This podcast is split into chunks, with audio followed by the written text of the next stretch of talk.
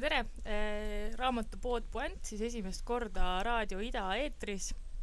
väike närv on sees, aga see on okei okay,, saame kõik koos sellest üle. mina olen Elisa ja mina olen Triinu.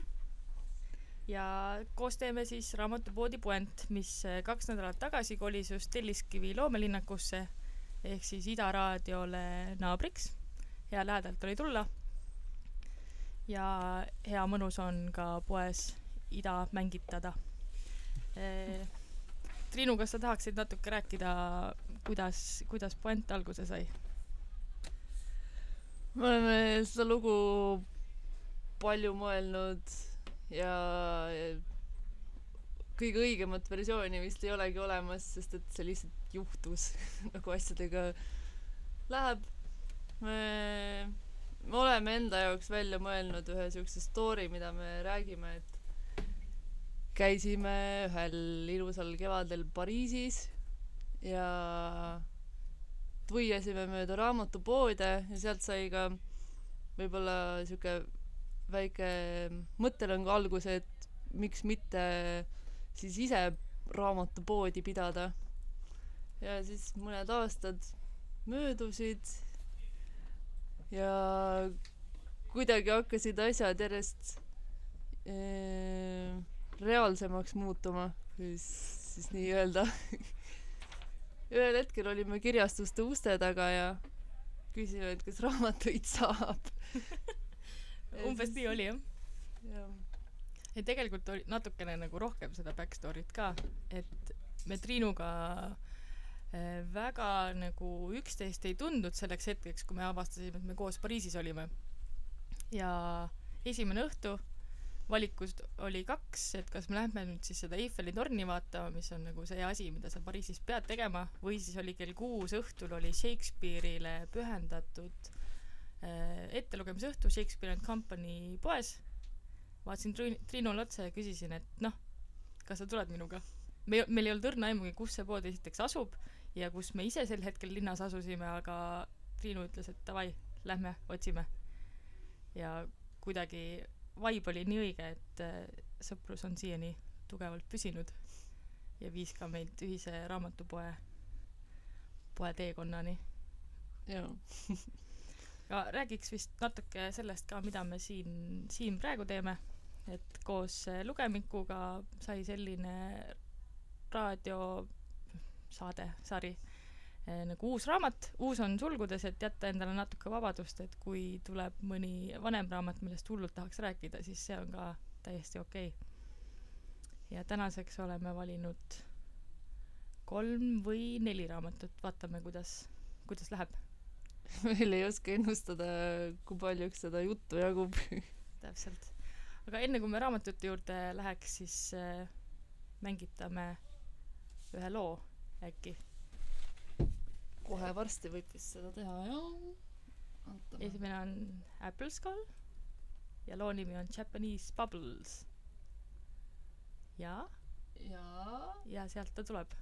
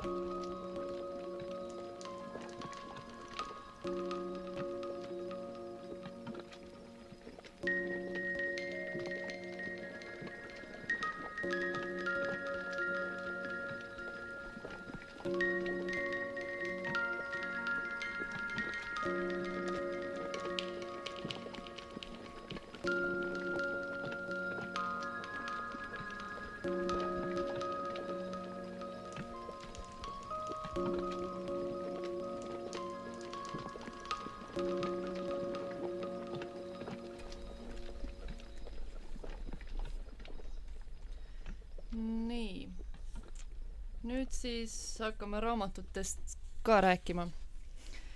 Esimesena äh, rääkisin Raul Oreskini äh, raamatust Kui ma vananen mis anti just hiljuti välja Paranoia kirjastuse alt. Ja autor on siis Voronia galerii galerist mis asub kuskil Peipsi lähedal Varnja külas, pole ise käinud seal aga tundub igati tore koht. aga siia raamatusse on koondatud siis nelikümmend lühijuttu, mis igaüks räägib erinevatest vananemise nii-öelda siis võimalustest. ja autor äh, alustas nende kirjutamist juba viis aastat tagasi kui ta pidevalt sõitis Tartu-Tallinn rongiga ja alguses siis hakkas neid postitama oma Facebooki, kus siis järjest inimesed nõudsid lisa ja sealt siis liikus asi edasi blogisse. nüüd lõpuks on see siis raamatukaante vahele ka jõudnud. ja need on hästi vahvad lühijutukesed mis tunduvad alguses justkui hästi lihtsad, aga neisse natukene rohkem süveneda, siis äh, on seda sisu seal rohkem kui küll. ja kõik lood algavad sõnadega või pealkirjad siis on Kui ma vananen ja siis on erinevaid versioone. näiteks on siin Kui ma vananen Chicagos, munepraadides, Rakveres, Peterburis Äh, või siis saatuse sõrmetahtel ja nii edasi, et siin neid on siis nelikümmend tükki, nagu ma alguses ütlesin ka. mulle endale väga valmistas äh, nalja see lugu, mis rääkis, kui ma vananen munepraadides ja ma ei tea, kas need on äh, siis natukene ka tõsielulised või on need puhtalt välja mõeldud aga jutt siis on sellest, kuidas ühel hetkel kadus äh, siis äh, autoril oskus mune praadida, kuidas ta proovis jõuda ideaalse härjasilma valmistamiseni, aga kuidagi see ei õnnestunud. ja mul endal on äh, sama teekond käsil kuidas hommikuti ei ole mitte ühegi muna praadimisega rahul sest et tundub, et alati saaks natuke paremini. Kas sa tahad äkki seda lugu ette lugeda? ma natukene isegi vist võiks. no tegelikult see ei ole, need on kõik suhteliselt lühikesed. et need lood on äh, head äh,, ma arvan, et ka suvel lugemiseks, et suvalisel hetkel kuskil pargipingis raamat lahti lüüa, saad paari minutiga ühe jutukese läbi töötatud ja edasi minna nii et ma arvan, et võin selle loo siit ette lugeda küll.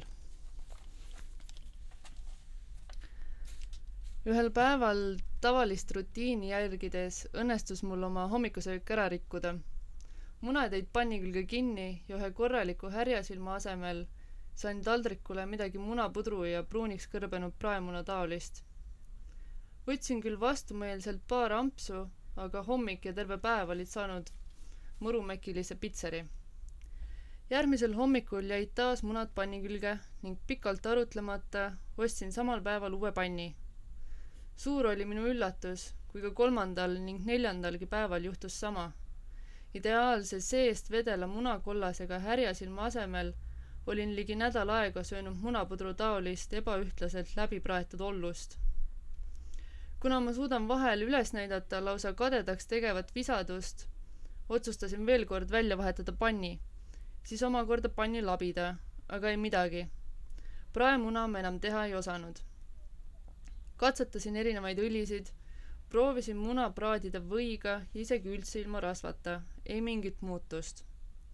ostsin siis erinevaid mune, nii õnnelike kanade omi kui ka neid teisi. tõin mune poest, turult, maalt ja linnast. aga ikkagi võttis mind hommikuti vastu sama tulemus. frustratsioon pannil. muutsin siis ühel hetkel oma strateegiat, mõistes, et viga ei saa olla munades või pliidis või pannides. viga peab olema minus endas. võtsin ette igat sorti enesepuhastuse, mediteerimise, andeks andmise ja lahtilaskmise protseduure, aga ei aidanud seegi olin lõplikult minetanud oskuse praadida endale hommikuti ideaalset härjasilma. vahel, kui mul isegi õnnestus munakollane vedelaks jätta, siis jäi voolavaks ka munavalge ja seda ma ei talunud. Emotsioonid voolasid samuti ja lausa seinast seina. ühel hetkel mõistsin, kui pirtsakas ma olen olnud kõige tavalisema praemuna suhtes. ja teisel hetkel ma lausa hullusin, et kuidas on see üldse võimalik, et ma ei suuda enam teha nii lihtsat asja nagu praetud muna. muutusin üha obsessiivsemaks ja pühendusin täielikult täiusliku praemuna otsingutele. aastad möödusid ja ma olin läbi proovinud kõik küpsetamise viisid.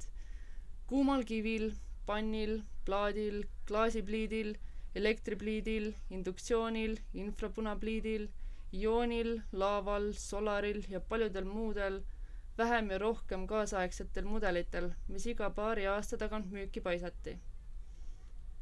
proovisin mune praadida erinevatel pindadel, puul, metallil, terasel, malmil, teflonil, fiiberil, mikrol, nanol ja isegi õhus, mis oli peale antikraavi leiutamist moodsaim viis toitu valmistada. katsetasin kõiki saadaolevaid mune, suuri, väikseid, vuti, isegi jaanalinnu vabakasvatatud kanade mune, kloonitud kanade mune, siis otse kloonitud mune, tehismune. ühel korral proovisin isegi munatablette praadida. lugesin läbi tuhandeid kokaraamatuid, vaatasin kokandussaateid, käisin kursustel, osalesin webinaridel, kuniks ühel hetkel olin valmis saanud täiusliku härjasilma, täiusliku retsepti olin valmis selle oma lastele ja selle aja peale ka ohvratele lapselaste isegi lapselastele pärandama. tõtt-öelda see oli ainuke varandus, mida mul pärandada oli. ja kuigi ma teadsin, et nii triviaalse toiteväärsusega rooga, nagu härjasilm seda on, mitte keegi enam postteaduse ajastul ei tarbi, paigutasin siiski retsepti kuldsesse raami ning saatsin notarile üle Viberi oma viimse soovi. Mul see lugu küll nii traagiline ei ole, aga naljakas siiski, et üks praemuna võib tekitada frustratsiooni. Ma väga suur äh, praemuna sõber ei ole, aga no mingid hetked on, kui tuleb ilge praemunaisu, siis ma üritan, äh, üritan kodus meest moosida, et ta teeks mulle, sest et mul on küll selline tunne, et mul seda ideaalset ei tule, kõik on natuke nagu kuhugile poole kaldu kuidagi siuksed valge papimaitselised, ilgelt vastikud. et kui ma ise teen, siis see ei ole kunagi hea ja seda enam mul tuli meelde selle looga, et äh, kui ma Poolas käisin, siis äh, Poolas olid äh, kõik poemunad kahe munakollasega. Kuidagi nii ootamatu ja samas seal maitses kõik väga hästi, sest sõitsime miinus kolmekümnega autos, kus ei olnud soojustust, sadu ja sadu kilomeetreid, siis kõik soojad toidud maitsesid ülihästi ja siis on kogu aeg õnnelik tunne ka, kui saad oma need kaks kollast sealt kätte. oo oh jaa, sest see munakollane on kõige maitsvam osa selle juures minu jaoks. munad munadeks kas, äh, kas sa tahad midagi veel sealt ette lugeda, sest et mina ei ole selle raamatuga kursis ja vähemalt praegult äh, täitis see täpselt seda hetke, et ma nagu, mul tekkis huvi ja ma tahaks äh, võib-olla natuke veel kuulda siin need lood on äh, kõik äh, siukse kergelt tuleviku ulmega seotud. et äh, räägib tihti asjadest, olukordadest, mis tunduvad võib-olla praegu päris sürrid, aga pole üldse ime, kui need teoks saavad. et kuidas me kuu peal elame või, või kui kõik inimesed on surnud juba aga ma võin siis lugeda veel ühe ette näiteks, kui ma vananen teises tsivilisatsioonis. Kõik sai alguse vihmaussist. raame murdva teadusavastuse tegemiseks oli vaja kõigest mõista, kuidas tajub maailma kõige tavalisem vihmauss. Pole saladus, et need maa all pesitsevad olendid ei näe ja just see asjaolu pani ühe noore India teadlase mõtisklema, et kui ühel liigil puudub võime tunnetada maailma läbi nägemistaju ning neil puudub isegi võimalus mõista visuaalset maailma, siis võib inimestel omakorda puududa mõni tajuliik, et kogeda planeedil mingit muud, seni teadmata tahku. hüpoteesist lähtuvaid uuringuid rahastasid esialgu mõned mõjuvõimsad usukorporatsioonid, sest just selle eelduse taga aimusid kauaoodatud ja seni puuduvad vastused religioonide mõistmiseks. kui aga tulemused liigitasid usundid lõplikult muinasjutuvalda kuuluvateks toredateks lugudeks, rahastajad muutusid. Need tulemused olid jahmatavad. inimtsivilisatsioon polnud oma planeedil üksi. paralleelselt meiega eksisteerisid siinsamas mitmed tsivilisatsioonid ja tundus, et nende avastamisele ei tule veel niipea lõppu tänu tajupsühholoogilistele tehnoloogiavidinatele, mis aitasid meil nüüdsest dimensioonide ja tsivilisatsioonide vahel reisida, mõistsime, et meile teadaolev ühiskonnakorraldus oli lõplikult ummikusse jooksnud. üha enam hakkasid inimesed jääma sinna, kus nad end paremini tundsid. tegelikult kulus vähem kui pool aastat, kuni planeet lõplikult inimestest tühjaks voolas. kuna paralleeltsivilisatsioonides oli võimalik nautida seda, mida oma maailmas poleks ilmselt suutnud isegi mitme sajandiga saavutada. Inimkonna pikk ja vaevaline ajalugu sai kuulsusetu lõpu, aga sellest ei hoolinud keegi. planeet oli taas vaba, et evolutsioon saaks siin teha oma järgmise keerdkäigu. aga ka see ei huvitanud enam kedagi, sest füüsilises maailmas olid ja on omad piirangud, millest vabanemiseks kulus meil enam kui kuus miljonit aastat ning kuigi uus vabadus ei võimaldanud meil enam emotsioonidega liialdada, olime siiski kõik kerges joovastavas uimas, püüdes harjuda olukorraga, kus ei olnud enam oluline iseenda ja maailma tajumisega tegeleda. see on siis lugu, kuidas mujal võib olla parem ja tihti, et kuidas inimesed siis tegelikult naudivad Äh, siis teistsuguseid mm, maailmasid, kas või unenägusid ja kõik muud taolised seisundid, et,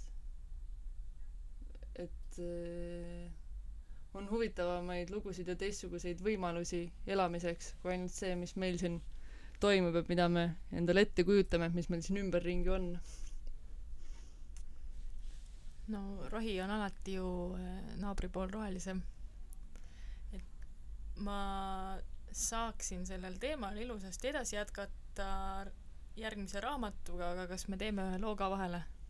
teeme ühe kuidagi natukene nagu meeleolu muutust. järgmine lugu on äh, Simic Dust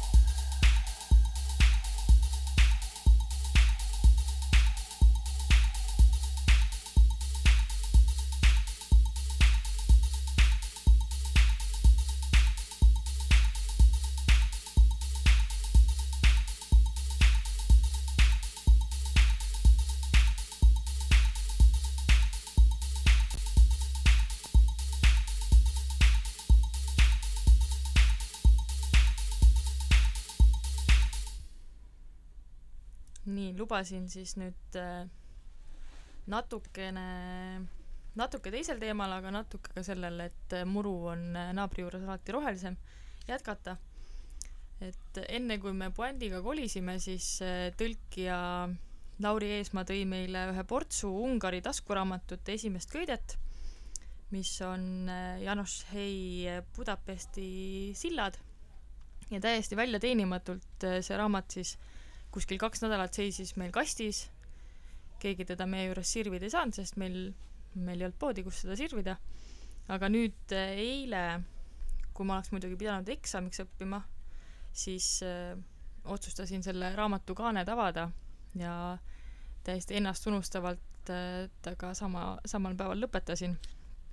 et äh, maikuus siis Ungari äh, instituudi raamatusarja esimene köide ja kogu selle sarja eesmärk on siis Ungari kirjandust Eesti lugejale lähemale tuua ja siis äh, lootuses, et läbi selle siis ka Ungari kultuur üldisemalt äh, huvi äratab. ja valiti Janos Jei, kes on äh, praegult kaasaegne Ungari kirjanik, heas mõttes äh, selline menukirjanik, kes läheb äh, paljudele peale, aga samas äh, ei tee allahindlusi oma, oma tekstides. Esimesed raamatud olid kõik luulekogud, siis jõudis ta, jõudis ta lühiproosani, siis ta on kirjutanud sinna vahele proosat, romaane.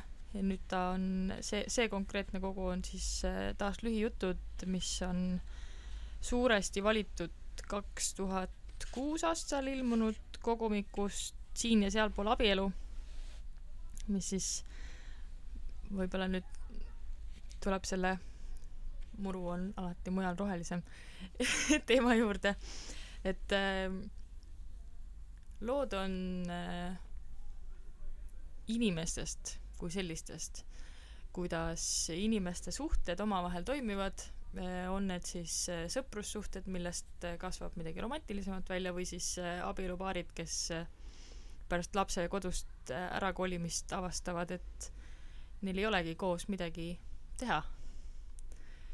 või kuidagi ei, ei taha nagu teha neid asju, mis varem lastega tundusid toredad, nagu näiteks käia iga pühapäev silla peal jalutamas ja siis kui lapsed suuremaks kasvavad, siis ratastega ja laste välja kolides see sild ei tundu üldse nii põnev koht, kus olla. ja sealt siis inimesed omavahel ei räägi ja tekivad uued suhted, uued mõtted, vaiksed üksteise süüdistamised ühe loo eh, vaatevinklist siis. et kuidagi see stiil, kuidas eh, Hei sellest kirjutab, on eh, väga lihtsasti eh, ligipääsetav ja sellega on kerge samastuda, sest eh, vähemalt minu kogemuses või, või minu arvamuses eh, inimsuhted tihti lähevad käärima, kui inimesed ei suhtle omavahel. et kõi-, kogu eh, või noh, mitte kogu, aga, aga suure osa probleemide allikaks ongi mittemõistmine ja mittemõistmine tuleb sellest, et ei räägita, mida mõeldakse või kuidas sulle tundub? eks ta nii kipub olema jah. ma just äh, jäin mõtlema, et et nende suhete osas, mis iga, mis laadi need ka siis ei oleks, et äh, meil nüüd raamatuid ja filme toodetakse just sellel teemal kõige rohkem. Ja ma, ma avastasin praegu ennast mõtlemast, et äh, mulle meeldivad just risti vastupidised raamatud, filmid, muud teosed, et äh, kuidas on seda suhteteemat kuidagi välditud, sest et sellest on tekkinud äh, üleküllastus vist. kõik üritavad seda lahata, mõtestada ja ma ei tea, tahaks kuidagi natuke eemale sellest astuda mõnikord. võib-olla, aga lugemine on natuke nagu teraapia ka, et sa loed läbi teise inimese vaatevinkli ja läbi vaatevinkli jah, ja sul tekib endal värskeid mõtteid sel teemal ja kuidagi või siis mingi äratundmisrõõmu, et aa, täpselt nii ongi. et ma ei ütle, et see raamat oli nüüd sada protsenti selline, et, et ma tundsin kogu selle vältel, et täpselt nii ongi, aga kuidagi see aitab mõista inimesi ja nende, nende olemisi ja, ja ütlemisi.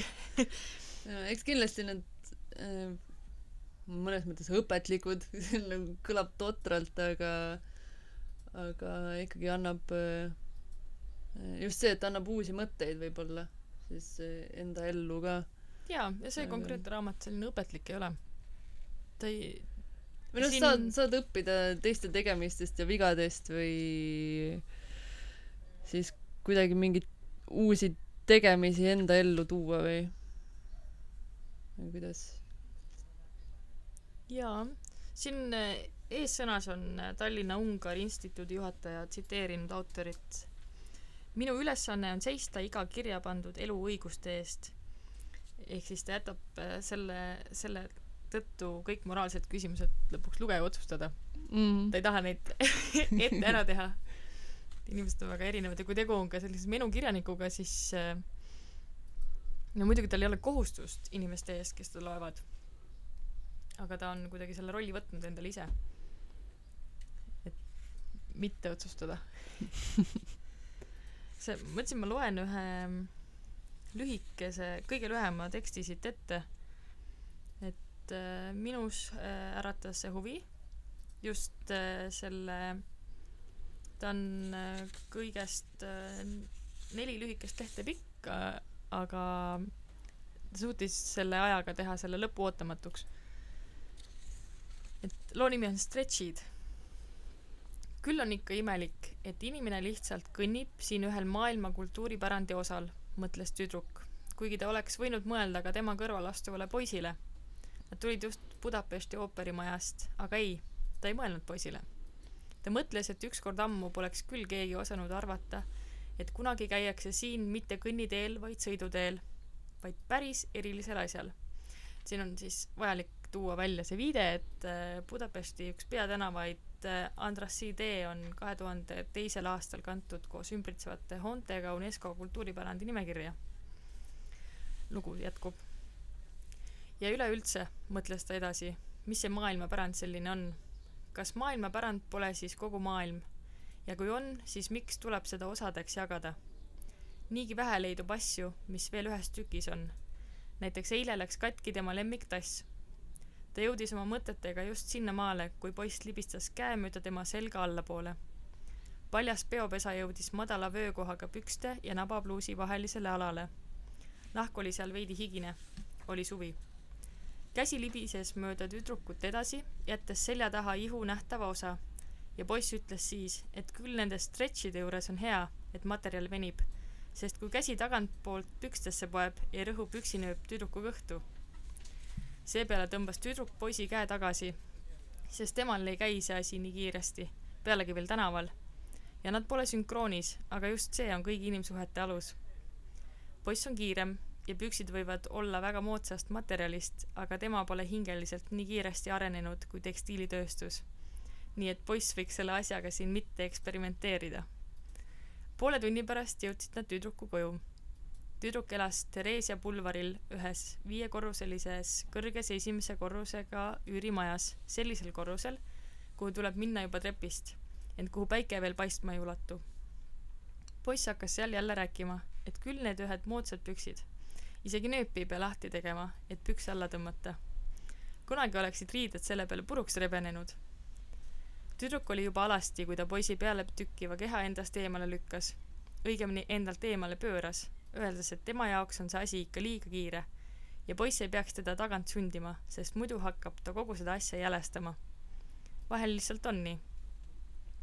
ta luges ühest ajakirjast, et päris paljudel naistel on sellest tekkinud seksuaalprobleemid poiss muidugi ei suutnud katsetamist lõpetada, aga kolmandal korral andis ta alla.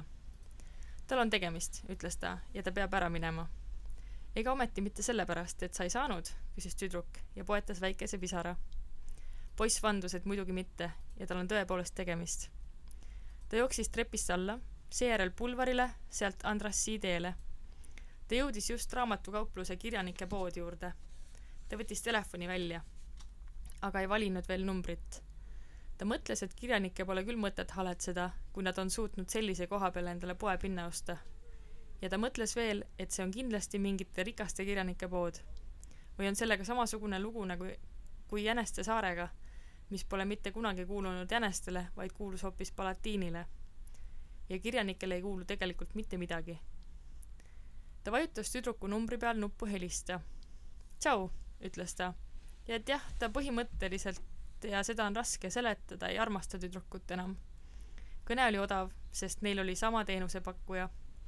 poiss proovis alati teada saada, mis mobiili tüdrukud kasutavad, sest ta ei tahtnud armastusele peale maksta veel ka pükste hinda tüdruk nutis või õigemini nuuksus telefoni.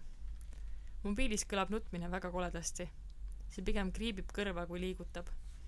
kindlasti sellepärast ütles tüdruk sellel kõrva kriipival häälel, et nad polnud ühel kiirusel. poiss tahtis saada rohkem, aga tüdruk polnud veel valmis.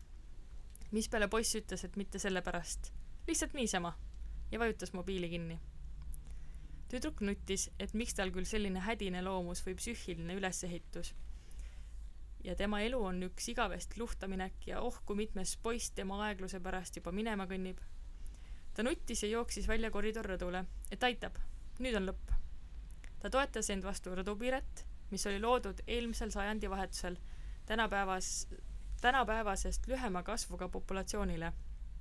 oleks olnud lihtne end sealt üle kallutada. all asusid poed.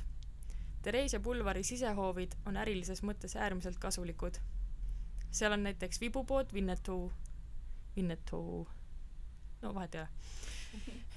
mees kuulis mürtsu ja tõstis pilgu. keegi lollpea kukutas jälle vaiba alla. miks nad üldse püüavad neid rõdu peal kloppida, kui ei suuda kinni hoida? sellised ropult rasked vanad pärsevaibad võivad inimese vabalt ära tappa, kui mõni peaks kogemata alla jääma. näiteks mõni ostja, kes tahab parasjagu saja tuhande eest ühte refleksvibu saada alles poest välja astudes nägi ta, et see hunnik keset sisehoovi oli kolmanda korruse tüdruku surnukeha. just nõnda oleks see lugu võinud lõppeda ja vähem arenenud ajastutel, kui veel polnud leiutatud stretšriiet, oleks võinudki niimoodi minna, aga nüüd ei läinud. tüdruk oli astunud koridorrõdule, sest toas polnud levi. kui poiss kõne lõpetas, eksis tüdruku pilk vibu poole ja ta hakkas naerma, sest poiss kerkis talle silme ette nagu vinnas vibu, indlev pinge ja turritav nool ta muudkui, muudkui naeris ja valis telefonis ühe numbri. Laura, ütles ta, võiksime kokku saada. Laura aga ütles, et ta oli juba ammu seda kõnet oodanud ja et tüdruk on nii ilus. tüdruk ütles, et ka Laura on ilus. ta pani kiiresti ukse lukku, jooksis trepist alla ja siis mööda pulvarit edasi kollasele metroole. nüüd pean ajaga sammu, mõtles ta, nagu tekstiilitööstus. see on päris tore lugu selline lugu ja kuidagi köitis minu, minu huvi igatahes edasi, edasi lugeda. see, et me neid lugusid siin eh, ette loeme, see minu meelest, mulle vähemalt meeldib, sellepärast et eh, inimesed tänapäeval ei loe enam lugusid ette üksteisele. viimati võib-olla kuulsid eh, juttu siis, kui emme või issi voodi kõrval mingit unelugu rääkisid aga nüüd täiskasvanuna väga ei tule ette, et üksteisele loetakse. ma arvan, et siit kasvab välja üks uus äh, ürituste sari, kus me hakkame puändis äh, lugusid ette lugema. see oleks hullult tore. ja kui oleks neid kuulajaid me võime üksteisele ka lugeda võime et me võime lihtsalt välja kuulutada, et nüüd täna võtame kaks raamatut, see ja see mis iganes nad sel hetkel on. tulge ka, kui tahate umbes nii. proovime. aga nüüd teeme jälle ühe väikse muusika. jaa. ja mis siis... me nüüd valime? meil on, kas me teeme nüüd Richie või Kitši või Rääri? paneme Rääri. ja siis Leave me in your broken dreams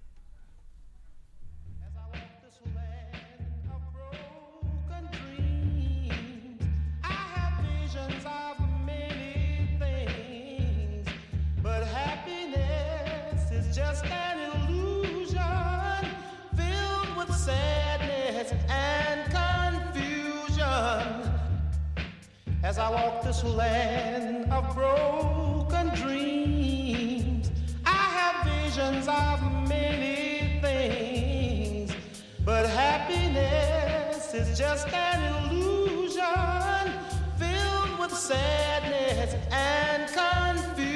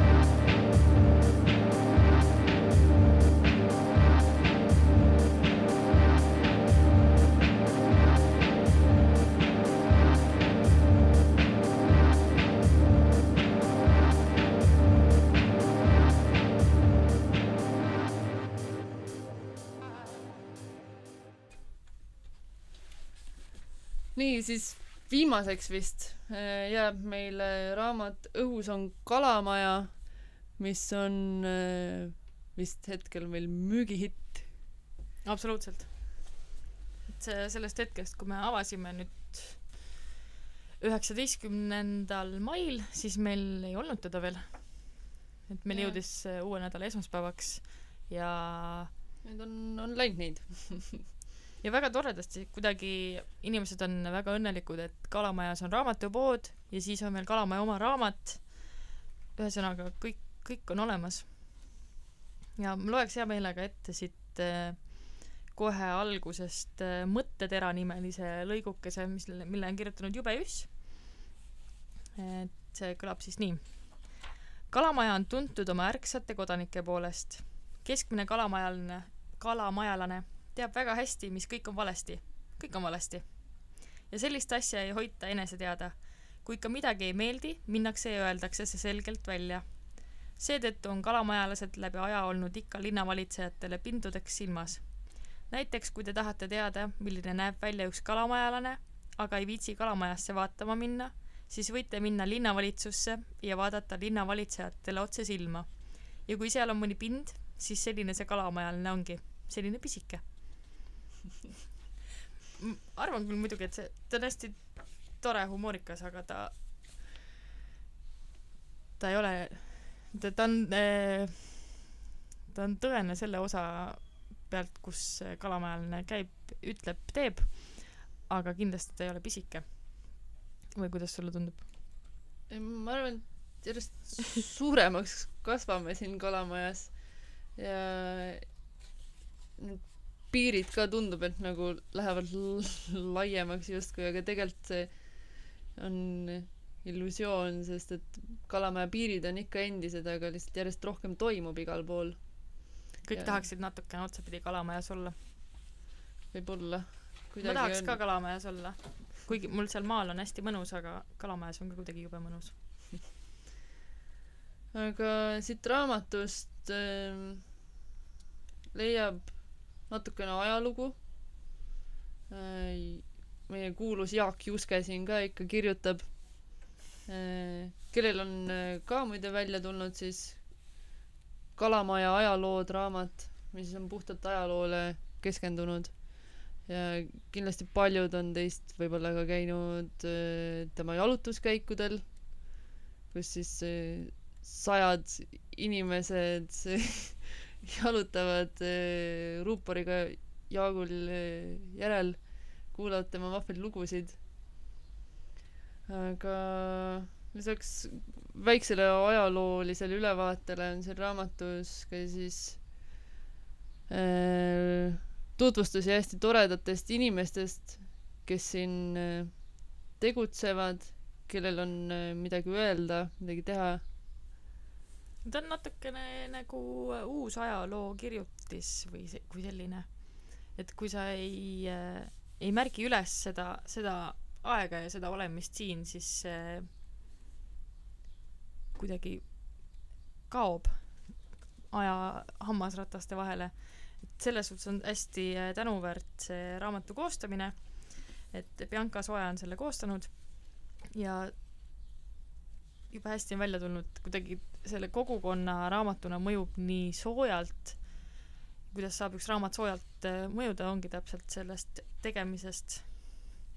et see, see paistab välja siit, see, et ta on võtnud selle aja, suhelnud nende inimestega, kuulanud nende lugusid ja toonud need lood teistele lähemale. ja mulle väga meeldib äh, selle raamatu kujundus ka, mille on trein-, teinud Triin Valvas. Need äh, joonistused on äh, väga vahvad. see kuidagi värviline ja kodune raamat on on küll, jah. natuke nagu kujundus on tegelikult Monika Maidre. Illustratsioonid on Triin Valvas, praegu olin vaatama. ja pildid on Annika Metsla. et äh, hea sirvida äh, tutvuda inimestega, kes elavad sinu lähedal või siis kodulinnas keda sa oled tänaval näinud? ja võib-olla töötab su kõrval kontoris, ei tea. siin eh, võib kõiki leida. aga tulge sirvima. jaa, kindlasti tasub meile külla tulla poodi. ja mis me siin veel, ma arvan, et esimese saate kohta on täitsa tore saanud, et äh, järgmine kord jälle. ja paneme lõpetuseks veel ühe loo, et Jaa. siis äh, ei oleks liiga palju juttu ka. tulge meile külla Telliskivi loomelinnaku A1 majas ja meie olime raamatupood Puent. aitäh!